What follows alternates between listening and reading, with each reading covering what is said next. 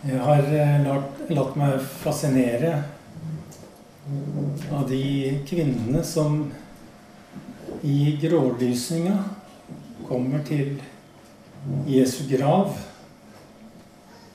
for å salve hans legeme. De hadde vært øyenvitner til korsfestelsen. Og de hadde sett at han ble båret liveløs bort og lagt i en grav.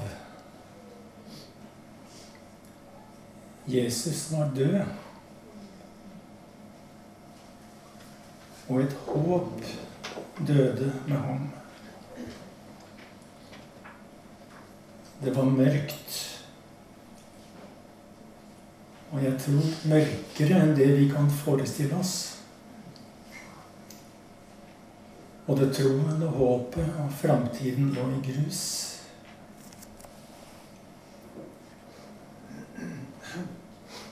Og det er vel mange håp, mange drømmer, som ligger i grus, er ikke det? Men av en eller annen grunn så hører vi ikke disse kvinnene si Nå er det slutt. Nå er det ikke mer å gjøre. Men de fortsetter å ære Jesus. Og de bringer ham sin kjærlighet der i grålysninga og kommer med sine salveoljer uten å forstå.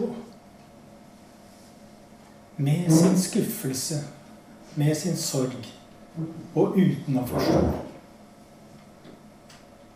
Men jeg tenker noe gjør at de aner at det må være noe mer.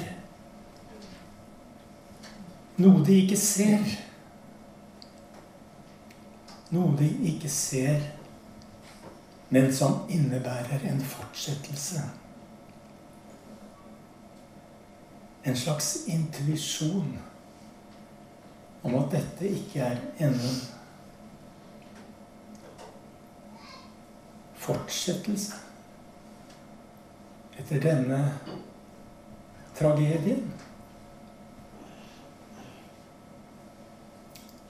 profeten Jeremia han klager over den katastrofe som hjemsøker landet på hans tid omkring 600 år før Kristus. Babylonerne har erobra landet.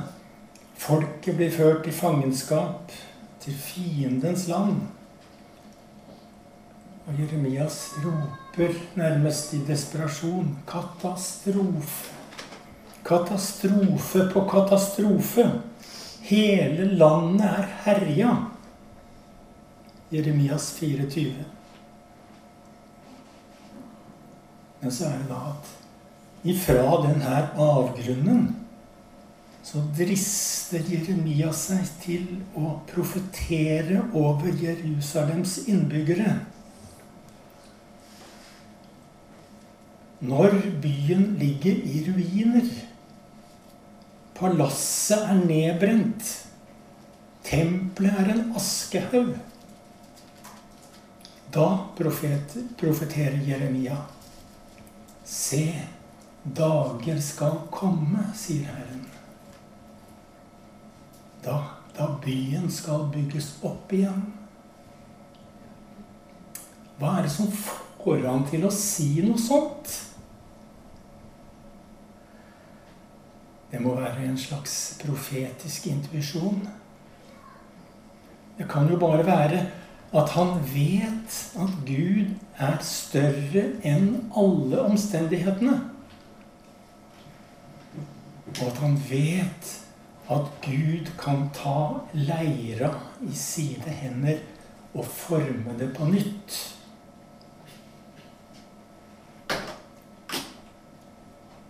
Og jeg tenker hva kan disse to fortellingene bety for oss i dag.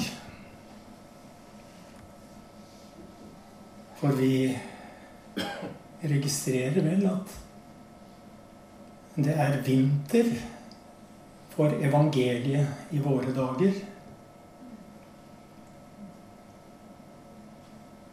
Men da må vi ikke glemme Da må vi ikke glemme at om vinteren da skjuler livet seg i røttene.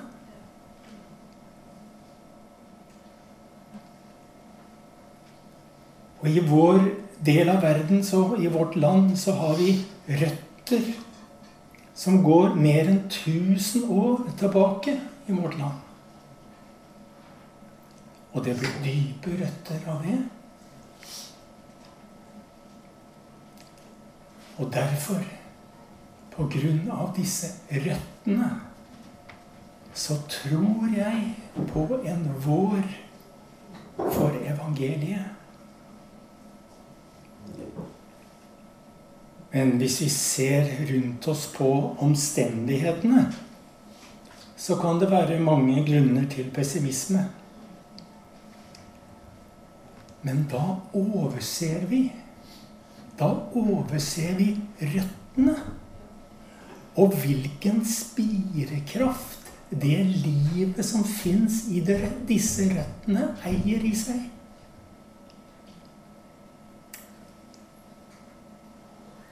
Forrige gang så spilte vi denne sangen 'There Is A Balm in Gilead'. Og jeg tenker at denne sangen kommer til oss som en slags påminnelse. Et vitnesbyrd. Et løfte.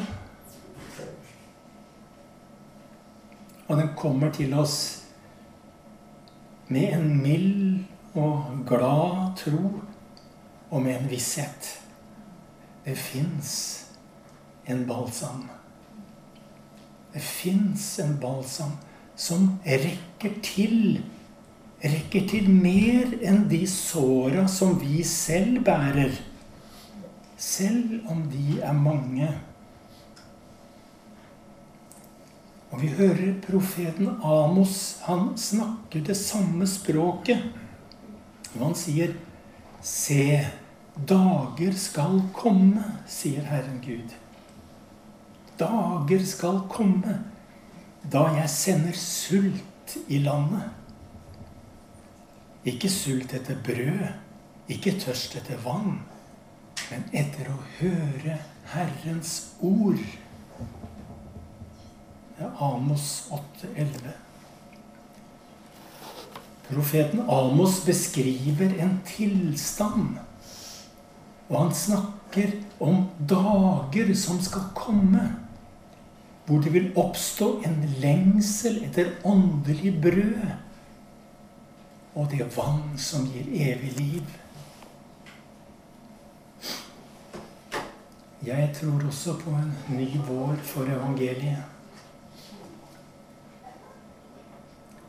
Og jeg tror på en hunger og tørst som vil presse seg fram fra røttene. For vi må ikke undervurdere livet og kraften i disse eldgamle røttene. Jeg vet at troens røtter ofte har blitt begravd under ytre regler og moralisme. Kanskje må fornyelsens vår komme som en ny reformasjon. Mange har trukket seg tilbake fra kirker og bedehus av gode grunner. Det er ikke Jesus som holder dem på avstand. Men det er mangel på kjærlighet og sjenerøsitet Det er fravær av ømhet for sorg og ensomhet. Og det er savnet av aksept og inkludering som skyver menneskene bort. Selvfølgelig fins det unntak. Men i dag så er det mange mennesker som føler seg usikre og fremmede for evangeliet, men på en respektfull måte. Og de opplever gudsfraværet som en mangel. Som en lengsel som de strever med å sette ord på. Det er ikke en sult etter brød eller tørst etter vann, men etter å høre Herrens ord.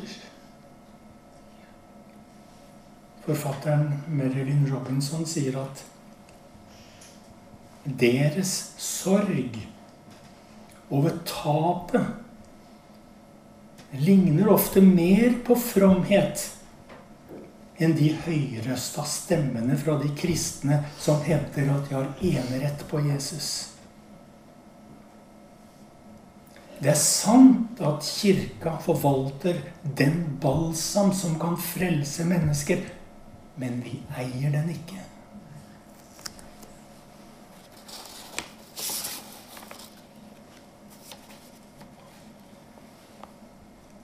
Og vi må heller ikke glemme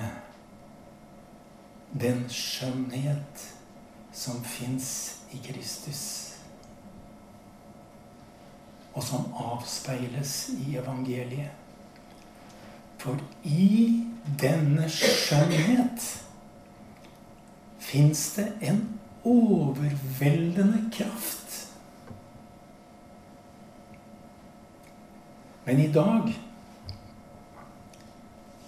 så er det vi som bærer det lille lys vi har. Og med ærefrykt bringer vi det videre til en ny generasjon i visshet og tro på at en dag kommer en vår. Vi har kanskje ikke sett så mye, men den skjønnheten som vi har fått et glimt av, har brakt oss på kne. Og vi folder hendene forsiktig og tålmodig rundt den blafrende flammen. Det lille lys vi har. For vi vet at en dag vil det lille lyset tenne nye hjerter i brann. Og vi vet at i stille øyeblikk hører menneskene fremdeles Gud går rundt i hagen.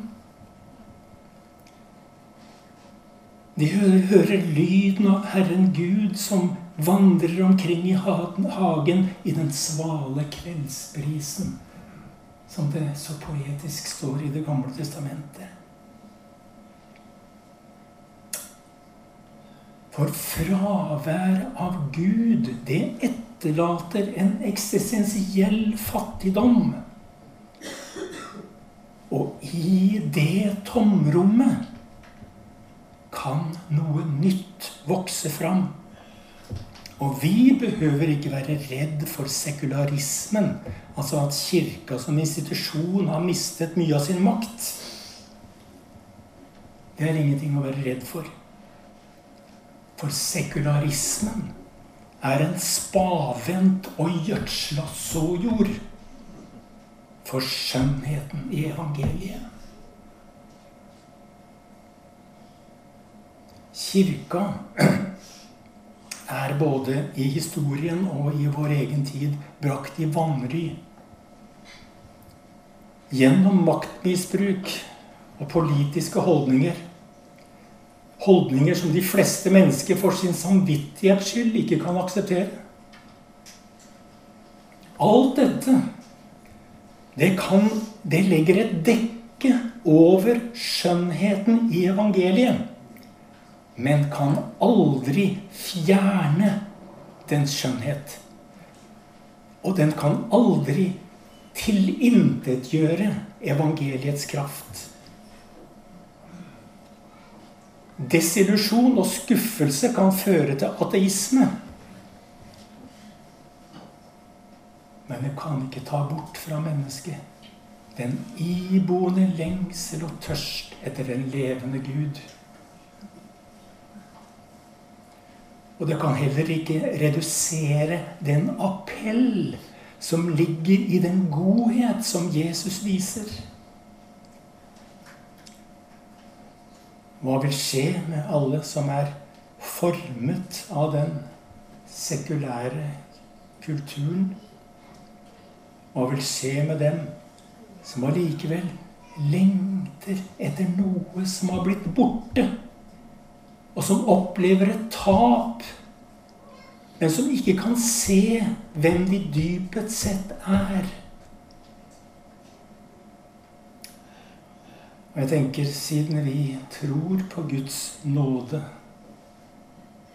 Ja, kjenner Guds nåde Så tviler jeg ikke på at i menneskenes tomrom rom og eksistensielle fattigdom Nettopp der kan tilliten til Gud oppstå og vokse seg sterk. Det fins en balsam i Gilead. Det er navnet på den hemmelige ressurs som kirka har fått.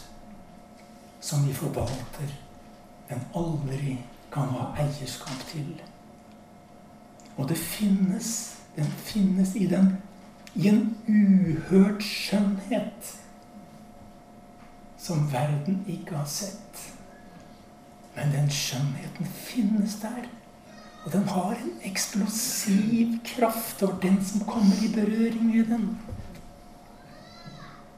Og dessuten så finnes denne skjønnheten i et hav av skjønnhet i kunst og musikk og litteratur som er skapt gjennom historien og som har blitt videreført fra generasjon til generasjon. Det er også en del av vår sivilisasjons rotsystem. Som blir omplanta og legges i nye hender og bæres videre på nye skuldre. Johan Sebastian Bach han tjener fremdeles sin Gud flere hundre år etter at han døde. Han tjener fremdeles sin Gud trofast og rikt og avspeiler den skjønnhet han har sett.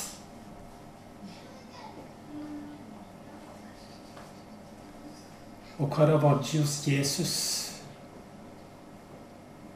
peker også i dag bestemt mot tolleren Matteus i det mektige maleriet i kirka Ciesia San Luigi Francese i Roma.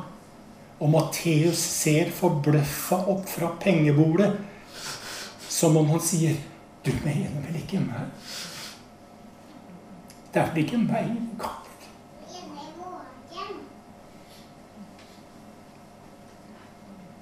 Jesus peker på det mest utenkelige iblant oss. Og et glimt av all skjønnhet og herlighet. Så sitter vi fast. Vi kan ikke slippe hans kjærlighet. Som kvinnene som kommer til graven. Skjønner ingenting. De vet bare og kjenner intuitivt at Jesu kjærlighet bærer oss videre i et håp om noe nytt, en ny vår. Og innbydelsen til Caravaggio står ved lag i dag, 400 år etter at bildet ble malt. Og millioner av turister står andektig, jeg har stått der sjøl, og sett på scenen der tolleren Matteus blir kalt av Jesus til sin store forundring. Og noen få fatter hva det handler om. Og jeg vil fortelle deg den skjønnheten vil aldri miste sin kraft.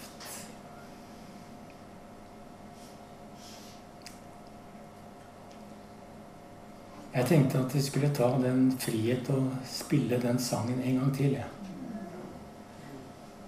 Så hvis du kan gjøre det for oss, Odd, så hører vi på balsamen i Gilead. Og la oss ta imot det her som, slags, som en slags profetisk tiltale. Som en påminnelse, en berøring. La oss ta imot det som at Den hellige ånd vil si oss, lære oss noe gjennom denne enkle sangen.